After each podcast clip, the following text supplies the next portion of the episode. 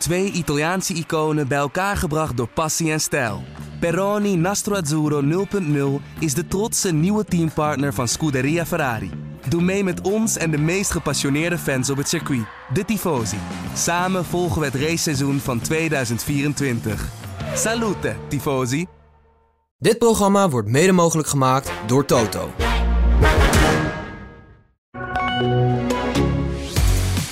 En dat was nummer 10 voor Max Verstappen op rij. Eh, hij is de eerste daarmee die voor, eh, als Formule 1-coureur 10 races op rij weet te winnen. Heeft het record nu alleen in handen. En daar was het dit weekend natuurlijk allemaal op te doen in Italië.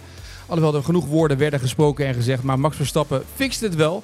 Uh, en over het weekend in Italië gaan we napraten met onze man in Italië, Arjan Schouten. Um, Arjan, euforisch bij, bij Red Bull na afloop waren ze blij. Max dolgelukkig stond hij juichend na afloop de pers te woord? Nou ja, toch wel een beetje. Uh, kijk, Max Verstappen niet zozeer. Hè? Het is de onderkoelde, nuchtere Limburger die we kennen. Uh, en uh, ja, 10 is 10 en 11 is 11. En dat moet allemaal later maar in bezinken.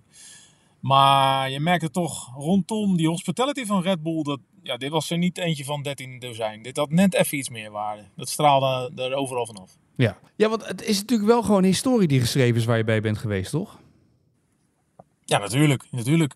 Kijk, ik heb net een analyse getikt en dan probeer je natuurlijk te duiden van eh, in hoeverre is dit nou sporthistorie? Uh, of nou ja, dat, dat is het. Hè. Het is Formule 1 historie. Het is nooit eerder gedaan in een sport die al uh, 73 jaar loopt.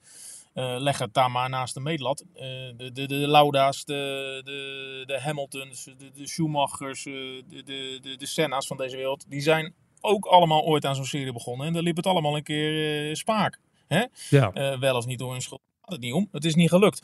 Maar ga je het vergelijken met, met, met streaks buiten Formule 1? Ja, dat is buitengewoon moeilijk. En misschien moet je dat ook helemaal niet willen. Feit is, uh, wij zijn hier vandaag bij. Misschien is het over twee weken wel elf. Maar ik denk dat we er over 50 jaar nog steeds over lezen in de geschiedenisboekjes van Formule 1. Ja, en, en de zure uh, autosportliefhebber zegt dan... Ja, maar ja, hij heeft gewoon de beste wagen. En, en bedoel, dit had iedereen in deze auto kunnen flikken. Ja, ja, ja. Kijk, dat... dat inderdaad, je kan er zo naar kijken dat het inherent is uh, aan de situatie die nu in Formule 1 gaande is. Hè. Hij heeft de beste auto, de snelste pitstop, beste team. Uh, nou ja, de concurrentie is lam geslagen. Laat al die dingen er maar op los. Alleen dan ga je wel voorbij aan het feit dat het week na week na week moet kloppen. En niet alleen bij hem, maar ook bij uh, ja, die man die, die, die dat krukje onder die auto veegt zeg maar, bij een pitstop om hem omhoog te takelen aan uh, de, man die, uh, die, die, die, de bandenkeuze eh, voor zijn rekening neemt. Het is, het is een, een gigantische collectieve prestatie waar, waar, waar, waar, tientallen, honderden, als je Red Bull wil geloven, een paar duizend mensen op de achtergrond aan meewerken. En waar zoveel variabelen zijn die mis kunnen gaan. Niet alleen in je eigen kamp, maar bijvoorbeeld ook de concurrentie die je in de weg kan rijden. Vandaag opeens weer uit het niets een Ferrari die het 15 rondjes voor zijn neus volhoudt. Hebben we natuurlijk ook nog niet gezien dit jaar. Dit was de race met de, de, de meeste geleide rondjes door een niet-Red Bull-coureur. Uh, vorige week, die, die achterlijke weersomstandigheden boven Zandvoort. Het is ook niet dat, het een, dat de rode loper overal wordt uitgelegd. En dat maakt het, wat mij betreft, extra knap. Er was ineens dit weekend ook het Mercedes-kamp die probeerde uh, deze prestaties een beetje te verdoezelen, bedoezelen. Hoe moet, ik dat, hoe moet ik het zien? Nou, ik zou die woorden niet kiezen. Ik zou meer zeggen dat ze probeerden de glanzen wat af te halen, ja, verbaal. En ja. daar gingen ze nog even mee door, hè, na afloop. Kijk, uh, voor, voorafgaand van de race heeft de Hamilton al proberen te schetsen dat al zijn teamgenoten bij Mercedes stuk voor stuk sterker waren dan die van Verstappen. Daarmee zeg je eigenlijk, uh, ja, walk in the park voor die jongen, hè. het komt ook wel erg naar hem toe. Toto Wolff was bezig met een, met een, met een verhaal, uh, volgens Verstappen totale bullshit, dat, dat Red Bull de hele auto ontwerpt puur en alleen voor Verstappen. Dat Perez, dat dat gat bizar groot is en dat dat helemaal niet zou mogen zijn. En na afloop van de race, toen het uiteindelijk een feit was, die tiende, uh, Hamilton, hè, de, de man met de meeste zegens op rij achter zijn naam, was opeens niet geïnteresseerd in statistieken. En Toto Wolff ja, gedroeg zich gewoon als, als een botte hork. Een lul, zo mag je het ook zeggen. Want het slaat helemaal nergens op. Het getuigt echt van heel weinig respect voor, voor je sport. En voor de historie van de sport. En voor de prestatie van Max Verstappen. Om, om dit te gaan afserveren als zijnde leuk voor Wikipedia. Want dat is letterlijk wat hij zei. Ah, dat is, dat is, dan ben je slecht verliezer, toch? Nou ja, de, de, de jaloezie stroomt, druppelt er natuurlijk met grote klodders af. Ik bedoel, ze zijn sinds eind 2021 kansloos. Hè? Max Verstappen heeft uh, het stokje overgenomen. Die uh, ja, paradeert nu vooraan het veld. Mercedes is helemaal nergens meer. Maar om het dan zo geringschattend te doen over wat iedereen ziet als een gigantische prestatie. Hè? Want het staat eh, morgen gewoon in kranten van, van India tot, tot, tot, Australië. Ik bedoel, dit, dat, dit, dit ziet iedereen op zijn radar voorbij komen. Uh, en het is heel makkelijk in cijfertjes uit te drukken hoe groot dit is. En het is tien jaar geleden dat er negen door uh, Sebastian Vettel werd genoteerd. En iedereen dacht toen dat gaat nooit iemand meer halen. Kijk, Hamilton is in al die machtige jaren van Mercedes nooit verder dan vijf gekomen. Rosberg heeft er zes.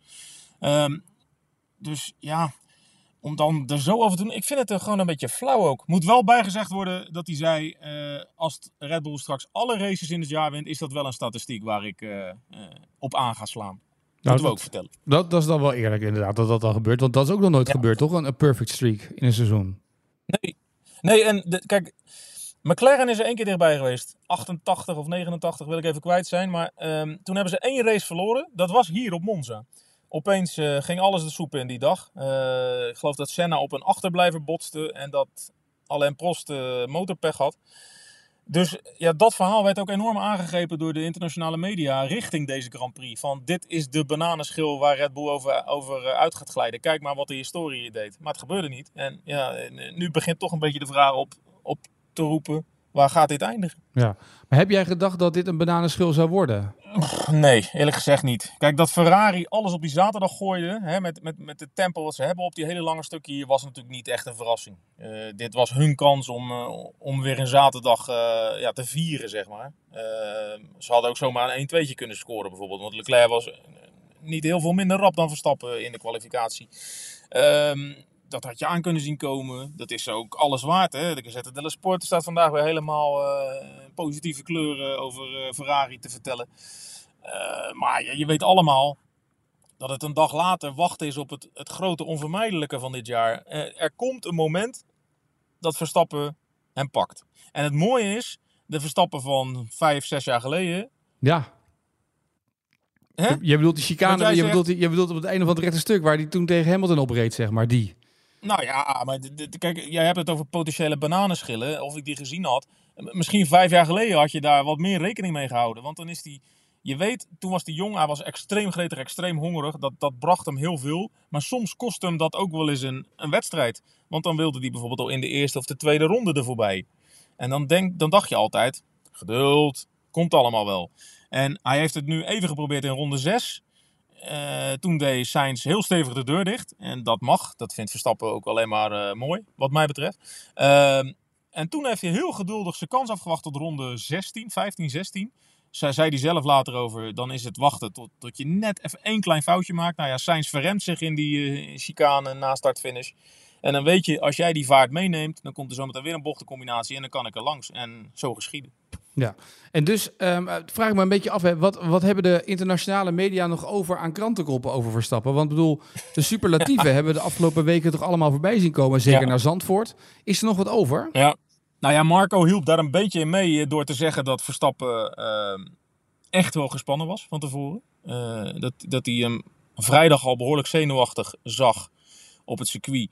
Uh, kan ook mee te maken hebben dat het niet meteen liep. Uh, Ferrari was echt snel in die vrije trainingen. Maar volgens Marco was dit echt wel een heel belangrijk record voor Verstappen om te, om, om te grijpen. En uh, nou ja, we weten allemaal hoe hij af en toe een beetje laconiek of nuchter over die statistieken en die cijfertjes kan doen. En dan, ja, dat past natuurlijk ook een beetje bij de persoon die Verstappen is. Maar achter de schermen, dat heeft Marco al eerder door laten schemeren, achter de schermen is hij er echt wel mee bezig. En ja, dit is natuurlijk ook gewoon iets moois om achter je naam te hebben. Ik sprak ook met zijn manager Raymond Vermeulen.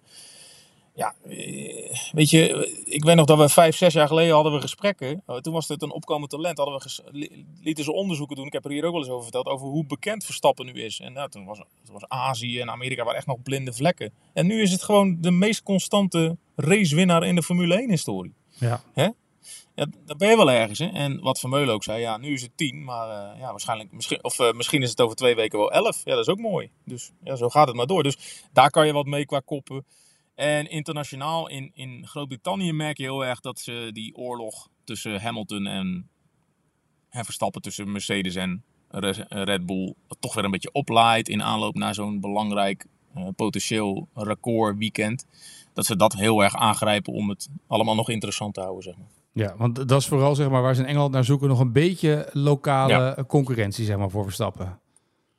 Beetje Britse trots. Ja, nou, ik, zat toevallig, ik zat toevallig naast een, eh, naast een paar Engelsen. En op een gegeven moment was Max was naar binnen. En toen was volgens mij de top 3 was Hamilton, Norris, Piastri. Uh-huh. Die hadden, waren allemaal nog niet gestopt. En toen zei eh, een collega van de Sun, die zei volgens mij... Oh, wat zou het fijn zijn als ze nu affluiten. Ja, want die kranten verkopen natuurlijk niet als Hamilton die wint in Engeland. Dat is natuurlijk een beetje een probleem, hè? Er moet wel een Brit winnen. Nou ja, succes verkoopt altijd beter. Eh, Ja. hè? En, eh, het zal ook echt wel weer een keer komen, want bij Red Bull beseffen ze ook wel. Weet je, hoe mooi dit ook is. We grijpen alles aan en het is prachtig. Maar zoals Marco zei, alles is eindig in Formule 1. Hè, dat hebben ze ook met Vettel gezien.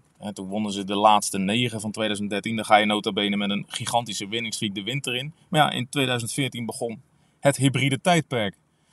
Week 1 won Rosberg, week- week 2 won Hamilton. En daar zijn ze 6, 7 jaar lang niet meer mee gestopt. Dus ja, zo, zo kan het ook gaan. Hè? Ja. Maar goed, dan moet er een tijdperk veranderen. En dat gebeurt natuurlijk nog niet. Hè? Pas in 2025, 2026 krijgen we die veranderingen. Ja, ja, en je ziet dat, dat de sport daar hier en daar wel een beetje mee in de maag zit. Maar je hebt ook wel tijdens tijdperken gezien dat het allemaal een stuk dichter naar elkaar toe trekt. Ik bedoel, laten we niet vergeten dat Max Verstappen gewoon ook in dat hybride tijdperk steeds dichter naar Mercedes toetrok. En ze uiteindelijk gewoon verslagen heeft. Dus eh, ja, ik denk niet dat de concurrentie helemaal zonder hoop zit.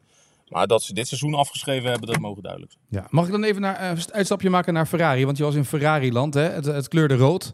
Marco Borsato zou er jaloers op zijn geweest. Ehm, maar als je dan zeg maar naar eh, eh, dit hele raceweekend kijkt... hadden ze bij, bij Ferrari echt alles opengezet... alle motoren opgeschroefd tot het maximum wat kon... om maar een prestatie te halen? Ja, dat lijkt me wel. Want ze waren ook, ook in de race waren ze gewoon wel echt wel, wel goed. Gewoon goed. Eh, je, kan, je kan natuurlijk wel eh, nu weer allemaal vraagtekens bij zetten waarom je die twee jongens dan samen weer laat vechten in het einde. Hè? Want dat, dat verdienen niet per se de schoonheidsprijs. Maar ja, eh, best of de rest, wat mij betreft. Kijk, de Perez die heeft echt alle moeite van de wereld gehad om, om nog naar die tweede plaats te gaan. Ja. Waar hij natuurlijk gewoon met de wapens die hij heeft, gewoon moet rijden. Week na week na week na week. Dat laat Verstappen ook zien met zijn imposante recordserie. Eh, maar ja, kijk, Ferrari is op de weg terug, zeggen ze altijd. Maar dat is zo'n moeilijk verhaal. Dat duurt al jaren. Eh, het was hier verre van uitverkocht. Voor het eerst in, in tijden. En eh, de organisatie die grijpt dan eh, het uitblijven van succes aan als reden. Ja, vind ik een beetje makkelijk. Want het uitblijven van succes duurt al wat langer bij Ferrari. Ja. Ik zou meer naar die belachelijk hoge prijzen kijken dat het hier niet vol zat. Maar goed, wie ben ik? Eh, bovendien, er was ook al een Grand Prix in Italië afgeschaft. Dus dan zou je toch denken dat ze die banken wel vol moeten krijgen. Ja, Dus als, zeker. eh, meneer Dominicali nou moet schrappen op de Europese kalender, zal ik eerst eens naar eh, die laars onder in het zuiden kijken in plaats van naar Zandvoort of Spa. Maar ja, wie ben ik? Nou, Arjan Schouten, verslaggever van het AD. Dus dat ga je weer horen zometeen bij, bij Ferrari... als je daar langs loopt binnenkort, toch?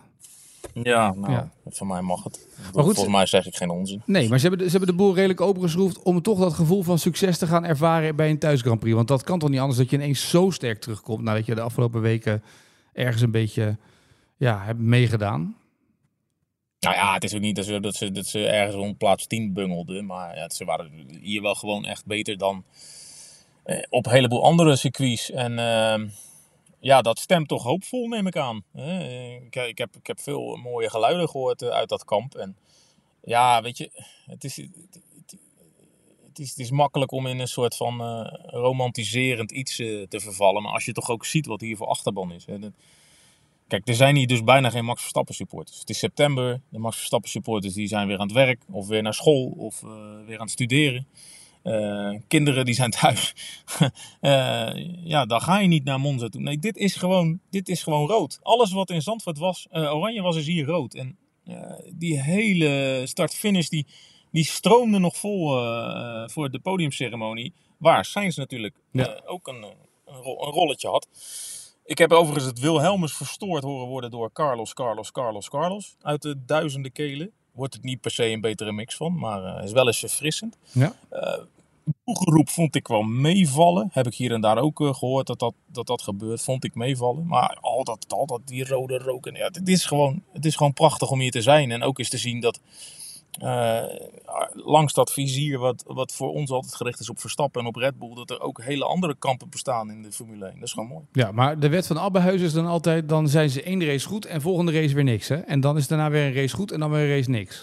Ja, ik denk dat Mercedes hoopt dat ze in Singapore eh, goed voor de dag komen. Dus dat is misschien dan de concurrent om naar te kijken. Of McLaren.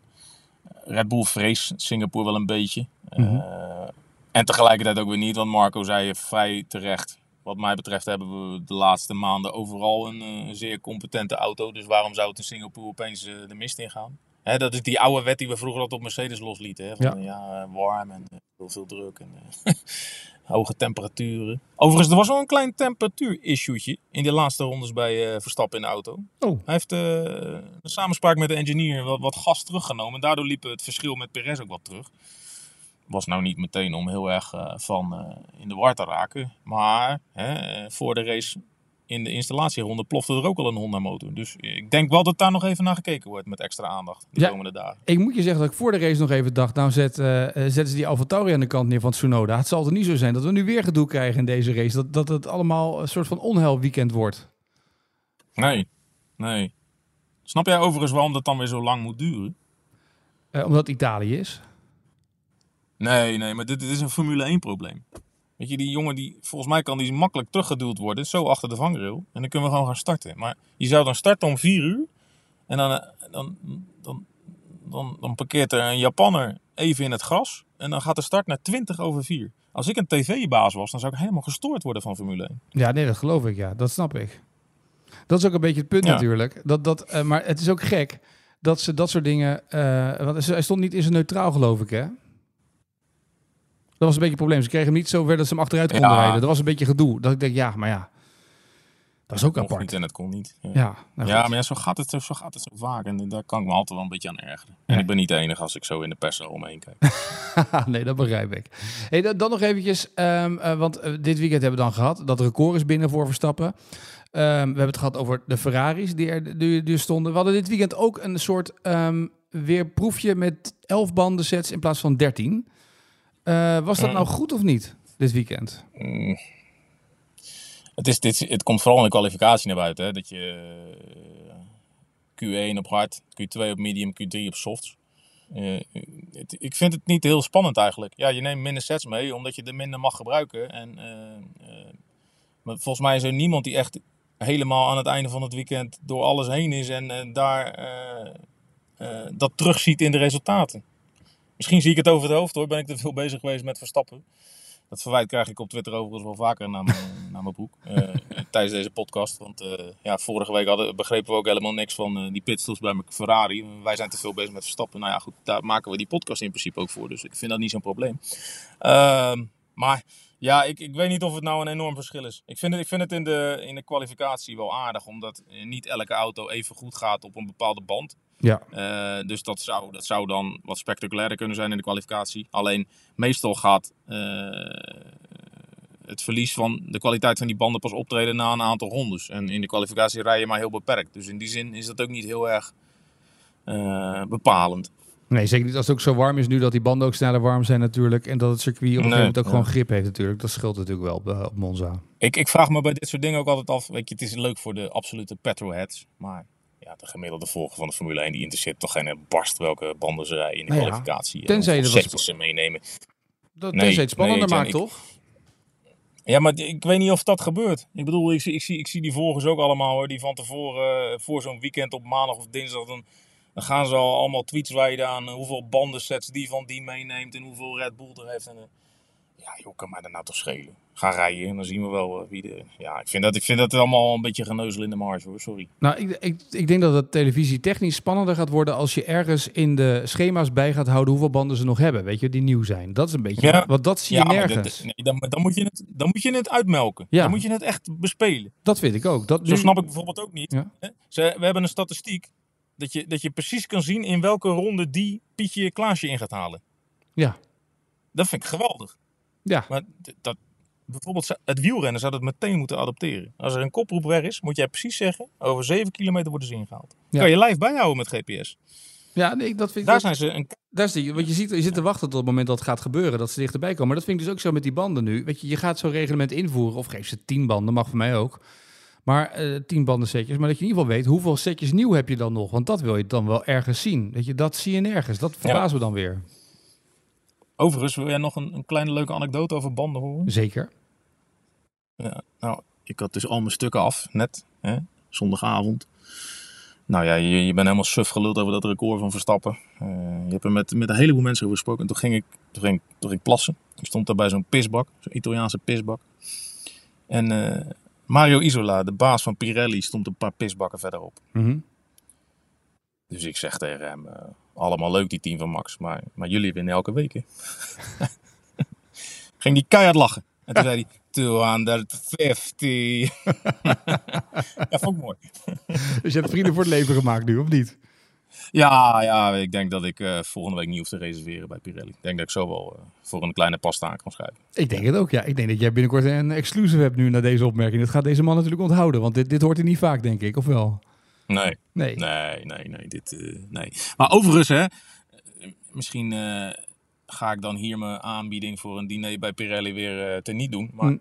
de sport zou er wel flink van opknappen als je weer twee bandenleveranciers krijgt. Het is wel allemaal heel erg.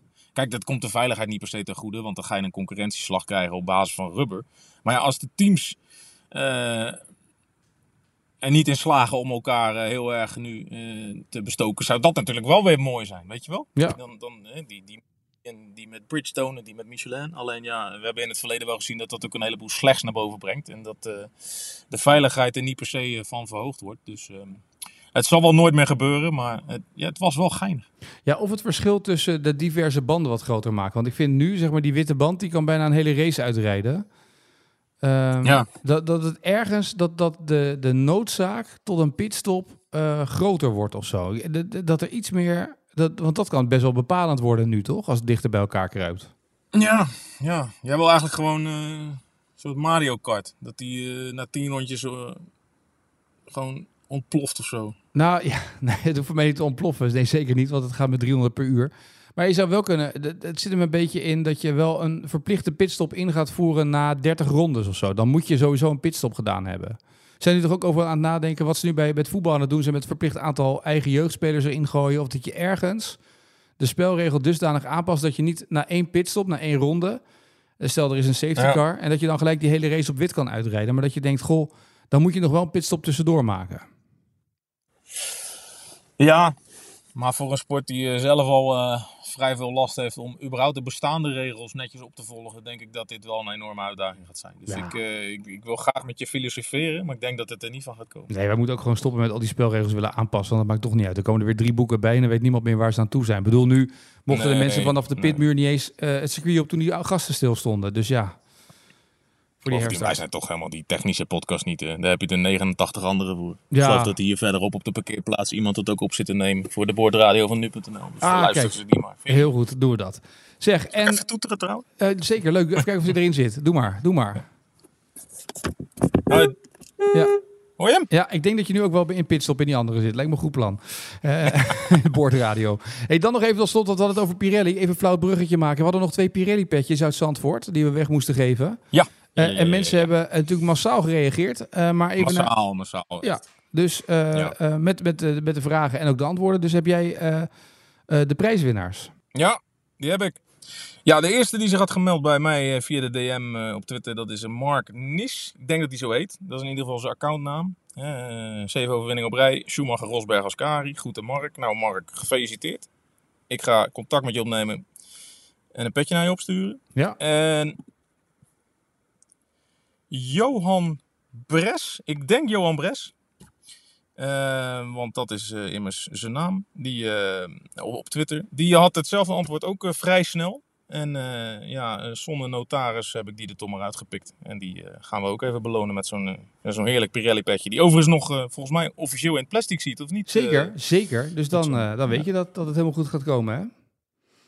Een authentieke echte, wat mij betreft. Mooi. Nou, dan gaan we die mensen eh, dat opsturen. Ik neem aan dat jij de adresgegevens even vraagt. Sturen wij dat door de afdeling prijsafhandeling van ad.nl. En dan gaan wij zorgen dat het allemaal binnenkomt. Hè? Kan Tommetje weer aan het werk, hè? Precies, Tom, mooi, Tom, zat er al naar uit te kijken. Die vroeg al deze week, kan ik ze al versturen? En toen zei ik, nou, je moet even wachten. Want Ja. notaris Schouten moet nog een paar mensen eruit halen. Dus eh, Die loopt heel de week te vliegen fluiten, dus hebt hij ook weer wat te doen. Dat is wel leuk. ja, nee, maar is ook leuk. Ja. Dus hij liep al fluitend eh, door het pand deze week dat hij, eh, de, dat hij de petjes mag gaan versturen. Dus dat wordt bij deze geregeld. Hmm, Lijkt me goed plan. zeker. Ehm, Ja. jij gaat eh, terug naar Nederland. Nee! nee, niet? Oh, je Nee. moet natuurlijk weer Nee, allerlei andere dingen nog doen. Iets.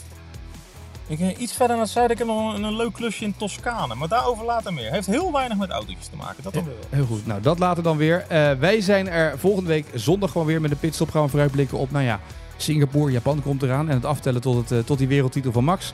Dus dat eh, volgende week in de gloednieuwe pitstop. Arjan, dank voor nu. En wij spreken je later weer. Tot, volgende, tot de volgende. Yes.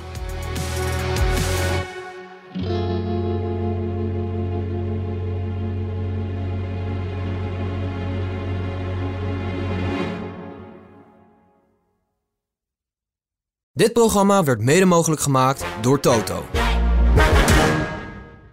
Twee Italiaanse iconen bij elkaar gebracht door passie en stijl. Peroni Nastro Azzurro 0.0 is de trotse nieuwe teampartner van Scuderia Ferrari. Doe mee met ons en de meest gepassioneerde fans op het circuit, de Tifosi. Samen volgen we het raceseizoen van 2024. Salute, Tifosi!